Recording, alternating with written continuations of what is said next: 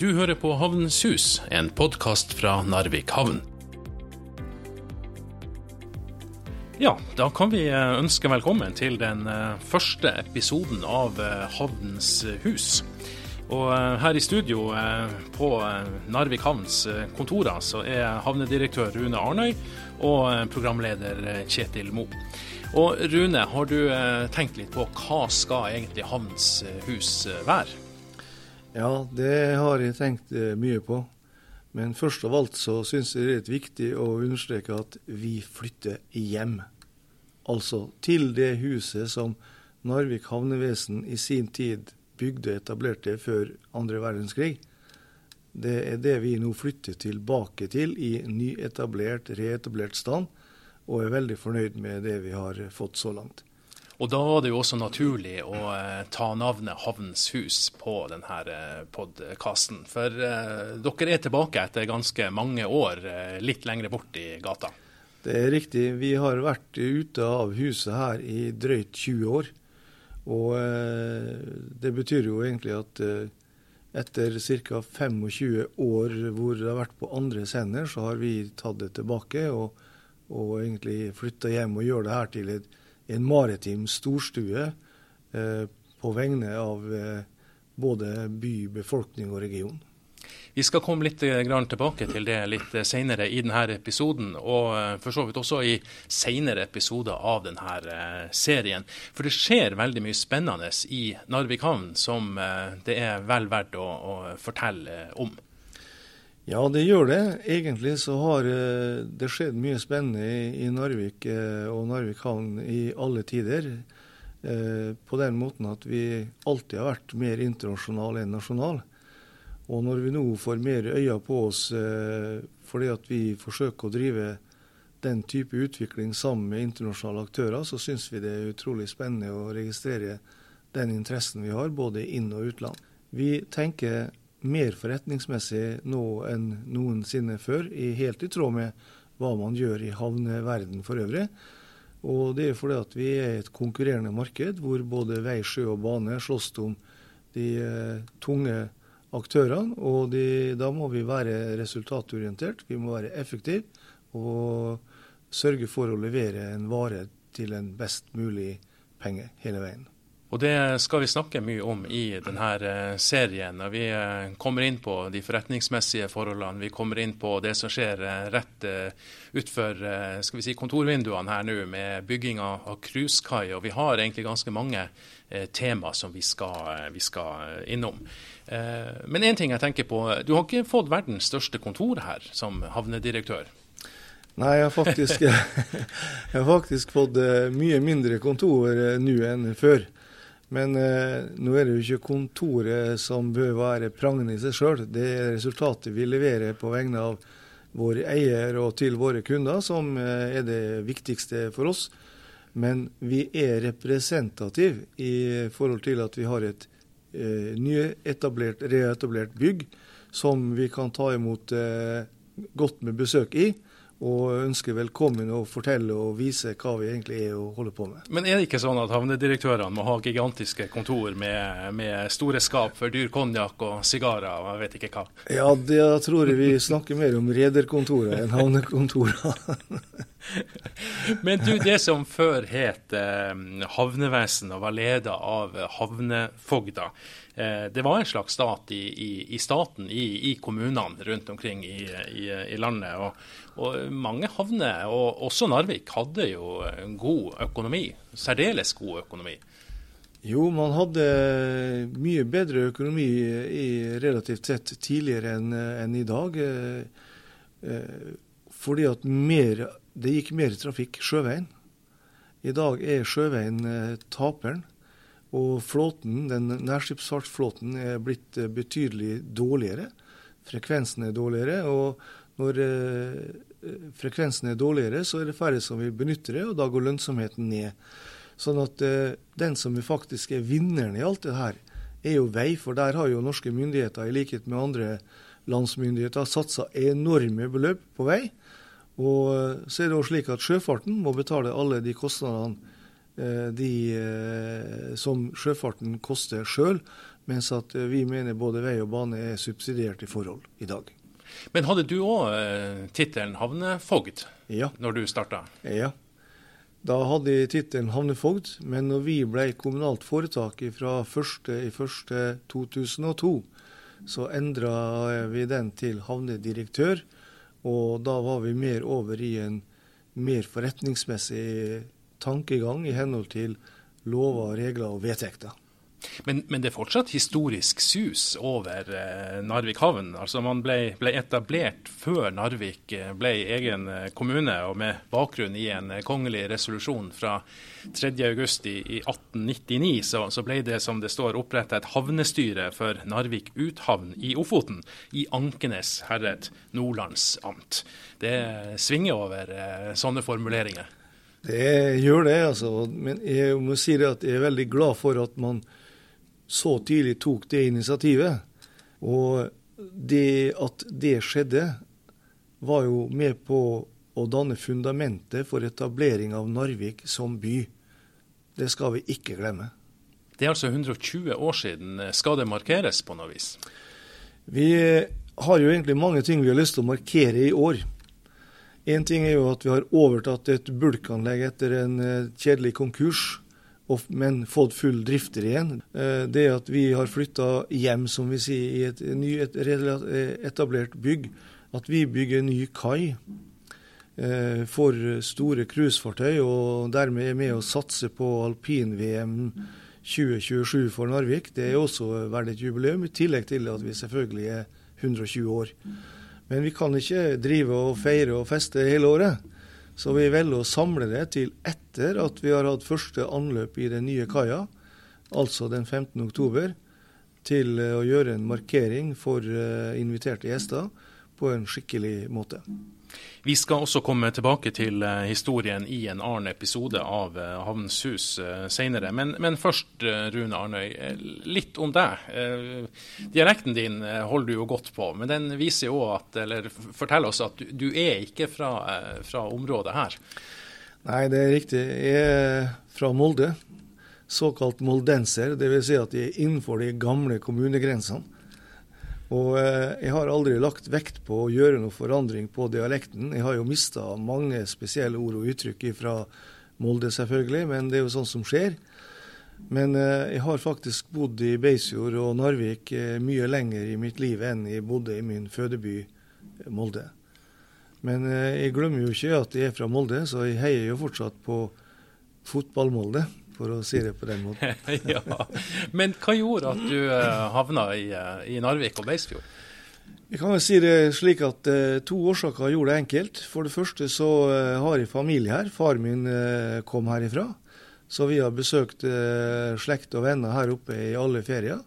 I tillegg så fant jeg ei jente som jeg ble veldig glad i, og som jeg gifta meg med. og og som jeg har vært så heldig å få tre barn med, og som igjen har brakt oss ni barnebarn så langt. Så jeg må si det at eh, jeg føler at eh, verden har smilt til meg i mange sammenhenger her. Du, før du begynte i, eh, i Narvik havn, eller Narvik havnevesen, så jobba du i mange år i, i Ankenes sparebank, som det het da. Ja. Men så, så, kom du til, til, Narvik havn, ikke som havnefogd i første omgang? Det er riktig. Jeg kom til Narvik og fikk jobb i Ankenes sparebank, og var der i nesten 15 år. Det var en utrolig flott og spennende periode. Og eh, det er jeg veldig glad for den perioden der. Jeg hadde mye god nytte av det jeg lærte, og spesielt eh, min banksjef Lodve Rognan, som da tok meg inn under armene og, og, og, lærte meg opp i bank eh, på en utmerket måte. I tillegg til mange andre gode kollegaer. Det er jeg veldig takknemlig for i dag. Etter de nesten 15 årene så jobba jeg for Jernia Arnøy, altså mine to fettere som hadde overtatt butikken til sin far, i fem år. Og deretter 1.4.1996 ble ansatt i eh, havna som kontorsjef. Og har vært her siden og blir her til jeg blir pensjonist. Ja, Pensjonist, er det et stikkord? Du nærmer deg en sånn eh, alder eh, hvor man iallfall kan begynne å tenke på å bli pensjonist. Men du holder ut, du? Ja, det er riktig. Jeg blir 68 om en og en halv måned. Og da betyr det at jeg må begynne å tenke litt alvor på pensjonistalderen, men jeg har eh, fått en avtale med både styret og kona at de kan stå til 70. Ja, så det, Da skal du enda få utretta mye på de neste eh, par årene? Håper det. Det er så fantastisk mye spennende og interessant som skjer. Og vi har så mange flotte, gode medarbeidere i havna at her er det virkelig muligheter. Hva er det beste med å være havnedirektør? Det var et vanskelig spørsmål. Vi kan si det sånn at eh, jeg har alltid likt å være med og forsøke å få ting til. Og når vi ser hvilke muligheter som er i Narvik-regionen og i Narvik havn som en del av det, så ser jeg at her er det mye upløyd mark. Narvik har en unik infrastruktur på samferdselssida. Vi har vei, vi har sjø, vi har bane. Det er ingen i Norge som slår oss når det gjelder denne kombinasjonen. E10, E6, jernbane øst, vest, nord, syd og en hovedferdselsåre på sjø. Vi har forbindelse fra Atlanterhavet til Stillehavet. Det er helt fantastisk. Så vi kan si at ikke det her har blitt utnytta på en bedre måte tidligere. Det er selvfølgelig mange årsaker til det. Men vi har iallfall en kolossal mulighet til å få det opp å stå nå. Særlig når vi registrerer at kineserne eh, vil gjerne ha alternative inngrep til sin egen sjøtrafikk ved å bruke landtrafikken, og da kan vi bli en viktig havn for en øst-vest-trafikk i den sammenheng. Ja, men det er jo planer man har jobba med i, i, i, mange år uten at det har uh, skjedd noe større ting. Har du tro på at uh, det er fullt mulig å få til? Ja, jeg har stor tro på det, fordi at det er ikke Narvik havn og Norge som står i førersetet. Det er den kinesiske stat med presidenten som er i førersetet. Og de utvikler avtaler over hele kloden på en rask og effektiv og skikkelig måte. Vi er i inngrep, og vi har tro på at vi kommer til å bli en del av det handelsmønsteret som kineserne er i ferd med å etablere sammen med veldig mange andre land i Europa, og som vi også tror både USA og Canada kommer til å bli en del av etter hvert. Ja, for, for, da snakker man om gods som skal over, på, over kaikanten, for å si det sånn. Som kommer med, med, jernbane fra Kina via Kasakhstan og, og inn i Russland ja. og, og, og, Finland og inn i, inn i Norge. Og så omlasting her for transport videre til USA og Canada. Ja, det er helt riktig. Og jeg har brukt veldig mye tid på å bygge nettverk, få de rette kontaktene på plass til å jobbe sammen. Jeg har gode kontakter både i, i Kina, i Kasakhstan, Russland, Finland, Sverige, men også Island, Canada og USA.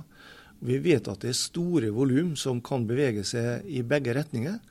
Og klarer vi å få de her aktørene nå til å spille bedre sammen, så kommer det her til å bli en knallsak for Narvik og Narvik-regionen. Så eh, For en, en, del år siden, vi kan gå 10, vi kan gå 20 år tilbake i tid, det har jo vært snakka om i, i, veldig mange år, så har det vært en, en lang periode hvor det har vært stille. Men nå sier du at nå er det på en måte drevet av krefter som er utenfor Narvik, som, som, som står på for å og vil ha det, bl.a. Kina.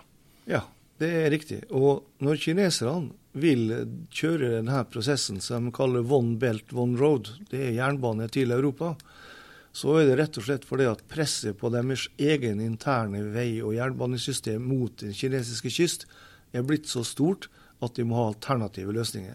Da angriper de Europa via jernbane fra baksida, via Russland. Og Russland og Kina de spiller på lag i dette her.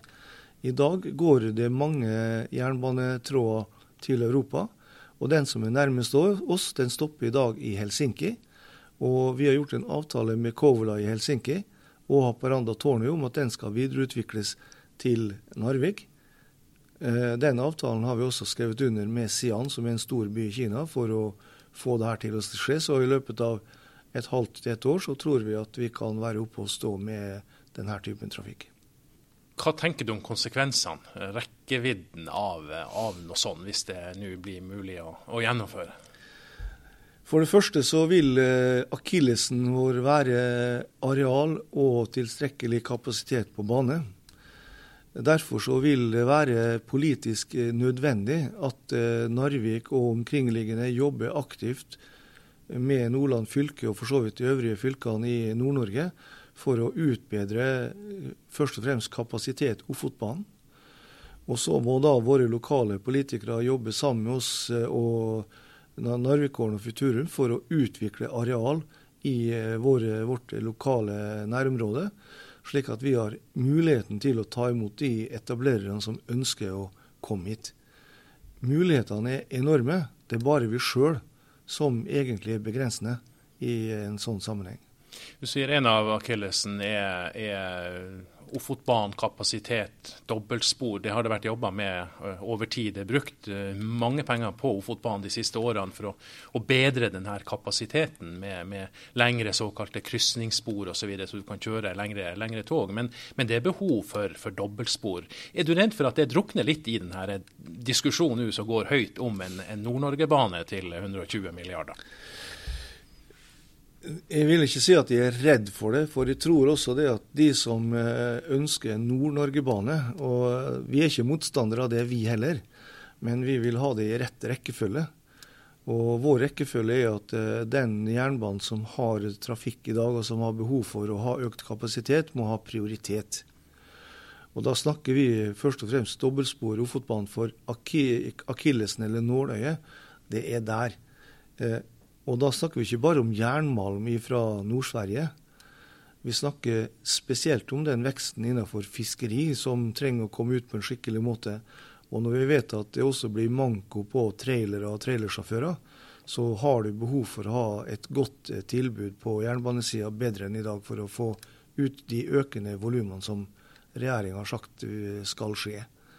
Så eh, jeg er tilhenger av at vi skal få en eh, bedre jernbane i hele Nord-Norge. Og starte med Ofotbanen. Deretter så vil jeg ha en oppgradering og en forbedring av hele Nordlandsbanen. Så er min eh, idé at vi, også at vi tenker Fauske-Narvik. Og så syns ikke det er riktig at vi skal begrense oss til en jernbane fra Narvik til Harstad eller Tromsø. Da må vi bygge helt til Kirkenes. Skal vi ta hele Norge i bruk, så må vi ta hele Norge i bruk. Det andre du nevnte, det er jo areal. Eh, og det har jo òg havna satt i gang eh, prosjekt hvor man har sett på hvor er det mulig å, å legge ny eh, terminal. Ja, vi har jobba frem det vi kaller for konsept Nye Narvik havn, både på bulk og general cargo, som det heter, og container. Og vi så for oss ved, gjennom et bystyrevedtak at container og den type ting skulle skje da Skjomnes-Håkvik og eh, at eh, bulk skulle kunne skje utvikling mot grindjord. Nå har vi overtatt bulkterminalen etter Norten-konkursen her i Narvik, så vi kommer til å utvikle den bulkbiten der primært, som en del av det. Men vi vil komme til å gjenoppta arbeidet med nye Narvik havn når det gjelder containere og, og stykkgods for øvrig. og da må vi ha eh, areal tilgjengelig nært mulig, og da har vi pekt på Håkvik-Skjomnes som det beste alternativet. Noen vil eh, påstå at det har skjedd mer de siste 20 årene i eh, Narvik havn enn på mange tiår eh, før det. Et av de eksemplene nevnte du jo, med den bulkterminalen som, som man nå har, har, overtatt. Men den hadde en spesiell historie? Ja, det hadde den. Altså, jeg må si det sånn. Gjennom eh, forskjellige EU-program som vi har deltatt i, så var jeg tilfeldigvis i avslutning av et i Stockholm i Sverige, og fikk høre om gruveselskap som holdt på å etablere seg i Pajala-området. Og så fikk jeg tak i telefonnummeret til eh, folk i Pajala-området, og fikk snakka med de og høre hva det her var for noe. For da snakka man om å skulle kjøre med jernbane ned til Bottenviken, enten til Lulo eller til Kemi eller noe sånt. Og, og gjennom den kontakten i Pajala så fikk jeg da kontakt med toppledelsen i Northland Resources, som var da et canadisk-amerikansk selskap med sete i London. Og dro over til London og inviterte dem, eh, fortalte om oss, for de inviterte dem til Narvik. Og så kom de hit, og da gjorde vi en intensjonsavtale som varte i, eh, i, i to år. For at vi skulle gjøre hver vår jobb, og så skulle vi konkludere. Vi var jo veldig spent på hva det her ville lande på. Men eh, når de da kom tilbake to dager før denne avtaleperioden gikk ut, så eh, var konklusjonen klar. De ville til Narvik. Og en av årsakene eh, til det var ikke bare at vi hadde et ferdig utfylt område på Skarveneset, det var at vi kunne ta imot store fartøy, større enn du kan i Bottenviken. Og det ga et kolossalt positivt økonomisk utslag for denne typen trafikk. Derfor ble Narvik valgt. Så investerer man milliardbeløp i Pajala, i gruvevirksomheten, i, eh, i, anlegget her, og så går selskapet konkurs etter hvert. Så ville det sånn eh, at dere tok initiativ for å få overtatt eh, anlegget i, i Narvik fra, fra konkursboet. Det var jo ganske dristig. Ja, vi kan vel si det sånn at det vedtaket som ble fatta av havnestyret og bystyret da var eh, noe av det dristigste eh, jeg har vært med på både i havn og i bystyret. For vi hadde ingen garanti på hvor fort vi kunne få i gang trafikk. Men sant skal sies, jeg hadde en eh, styreleder som heter Hans Larsen, som var meget skarp forretningsmessig, og som han og jeg jobba sammen om dette her. Og hans sin kunnskap og pågåenhet ga eh, oss sammen gode resultat. Resultatene med at vi kom i gang med drift etter tre år fra kjøpet, var egentlig bedre enn forventa. Vi kunne risikert å måtte sitte lenger, men du skal vite vi jobba ganske hardt i her årene for å få avtale til å skje. Og vi var inne på flere aktører enn bare den ene som da ble Kavnisaren til slutt. Ja, for eh, etter eh, to-tre år, som du sier, så, så, eh, så, kom det et nytt selskap på, på banen, bokstavelig talt, mm. og er i gang med, med utskipning av malm fra, fra, Narvik på et anlegg som, som eies av, av, Narvik havn. Det er der dere henter pengene fra nå? Når vi investerte i å kjøpe ut hele dette anlegget, så eksponerte vi oss for en relativt stor kostnad. En kostnad som ga oss underskudd i tre år på rad. Og eh, da skjønte vi det at vi, eh, vi, måtte på et eller annet vis få en eller annen form for inntekt. Og eh, det var også diskutert å etablere, etter ønske fra Mjølner, en fotballhall i selve lagerhallen. Bare for å få større inntekter, så vi kunne balansere ut noen av de kostnadene. Det var ikke prioritert for oss, det. Prioriteten var å få tilbake egentlig den typen trafikk som vi hadde, og det er jeg veldig glad for i dag at vi lyktes med.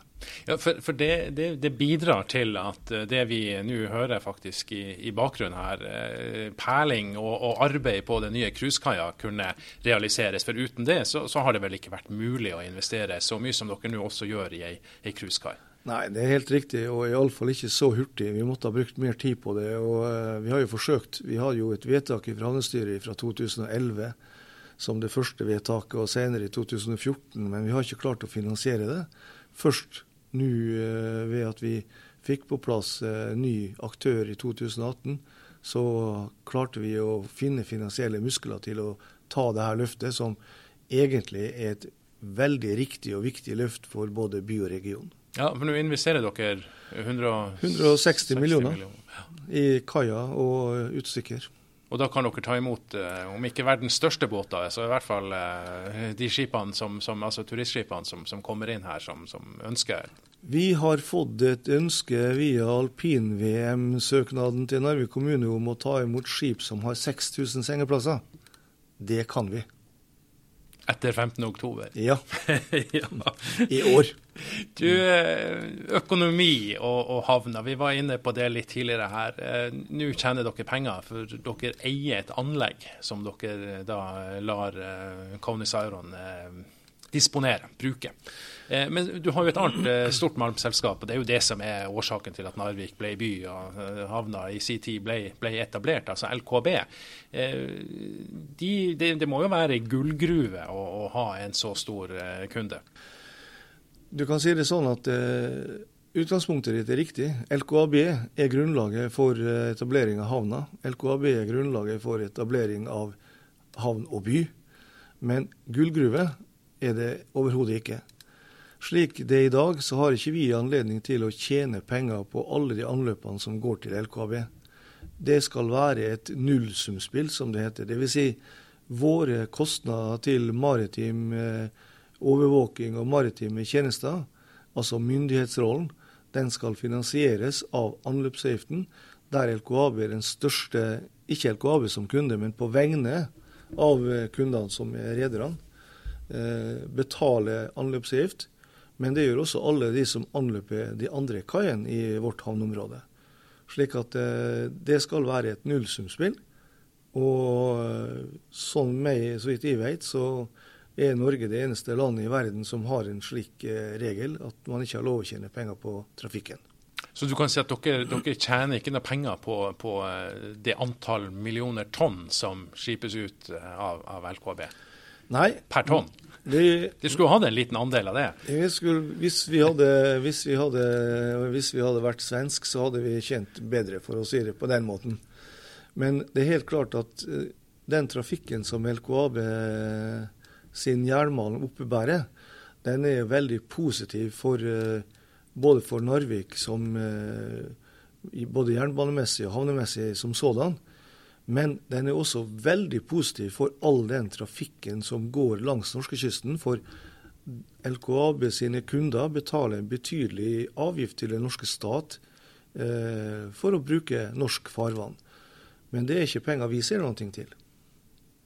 Du, Vi må snakke litt om Forsvaret òg. Eh, fordi at eh, altså Hvis vi tar utgangspunkt i, i, i historien, og, og, ikke minst andre verdenskrig, eh, så, så, var jo Narvik en av årsakene til at, at tyskerne Eller malmtransporten var jo en av årsakene til at, at tyskerne kom i land her som en av de få byene i, i Norge i, i 9.4 i, i, 1940. Og alle kjenner slaget om, om Narvik, og, og, og, liksom man har skrevet seg inn i, i verdenshistorien når når det gjelder krigen. Men, men men Narvik har fortsatt en strategisk plassering.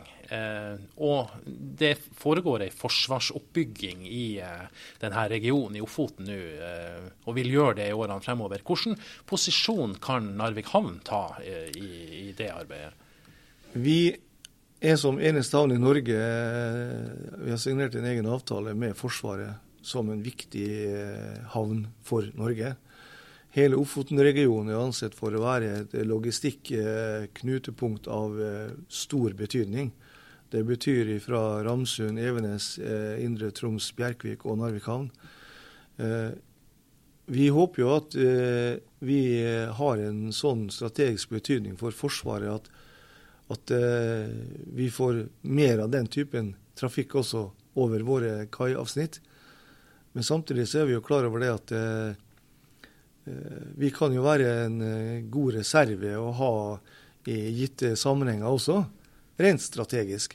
Det her er vurderinger som Forsvaret gjør, og som vi eh, vet bare så vidt overflata ut av. Men interessen syns vi er interessant. Vi merker stadig støkende, økende besøk av forsvarstunge aktører fra hele Nato-alliansen, for å si det på den måten.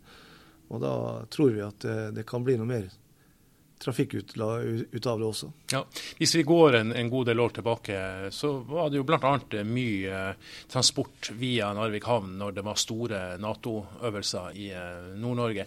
Nå har det vært roligere på den sida. Vi har sett noen eksempler på det selvfølgelig det siste året. Men det skal være en stor Nato-øvelse neste år, og, og da tyder mye på at mye materiell kommer til å gå via Narvik havn. Så langt vi har fått vite det, så kommer det til å bli en god del aktivitet her. Og i løpet av de nærmeste månedene så får vi mer og mer detaljer om det. Men vi er forberedt på å kunne være med og håndtere store mengder. Ikke bare i selve Narvik havn, men vi er også med på å skal ta ansvar for bl.a. å bruke kaia i Bogen med vår, vårt personell, hvis det skulle være nødvendig stor internasjonal interesse for Narvik havn er det fortsatt. Og Du blir invitert til alle verdens hjørner for å holde foredrag, og du har vært omtrent eh, rundt i, i hele verden og, og, holdt foredrag om og presentert mulighetene som, som ligger i, i, i, Narvik havn. Står de her invitasjonene fortsatt i kø? Ja, de står mer i kø nå enn noensinne. Jeg har eh, bare i år, så eh, denne her høsten, så har jeg vel fire eller fem eh, tilbud bare fra Kina. Jeg skal eh, til eh, Kasakhstan og ha et foredrag. Jeg har ikke takka ja til Kina, men jeg har takka ja til Kasakhstan. Jeg har eh, takka ja til Finland og Sverige. Og sånn at vi vet at interessen for å få vite mer om Narvik og hva vi står for, er betydelig økende. Samtidig så passer vi i anledning også å invitere folk tilbake. Fordi at ikke bare hør på hva vi forteller, kom og opplev det sjøl. Og da får du egentlig oppleve noe langt mer enn bare bane og kai. Du får også oppleve at vi har en spektakulær natur som vi har eh, klart å ivareta på en skikkelig måte, og det er vi stolt av. Utover høsten så kommer det flere episoder av eh, Havnens hus, med, hvor vi skal innom mye av de her eh, temaene som vi har snakka om i denne første episoden. Har du noen forventninger til responsen fra en lytter eller to eller tre? Det blir spennende det her. Her er jo spennende, og det jeg håper er jo det at folk rundt omkring oss som ikke nødvendigvis egentlig vet så mye om hva en havn egentlig er for ting i, i det daglige, eh, skal kunne få anledning til å vite litt mer. Og så er det jo ikke verre enn at uh, vårt kontor er jo åpent for alle nær sagt til enhver tid. Uh, er det noen som ønsker noe ytterligere informasjon om det vi holder på med, så er vi jo åpent for å kunne gi det. Enten at vi gir foredrag til lag og foreninger rundt omkring i land og by, som vi for så vidt gjør ganske ofte men også her. Så vi, eh, vi håper at eh, vi klarer å formidle og fortelle at Narvik har en havn med muligheter og med en fremtid som kan være god for oss alle sammen. Da gjenstår det vel egentlig bare å uh, si på gjenhør, sånn helt plutselig. Snakkes.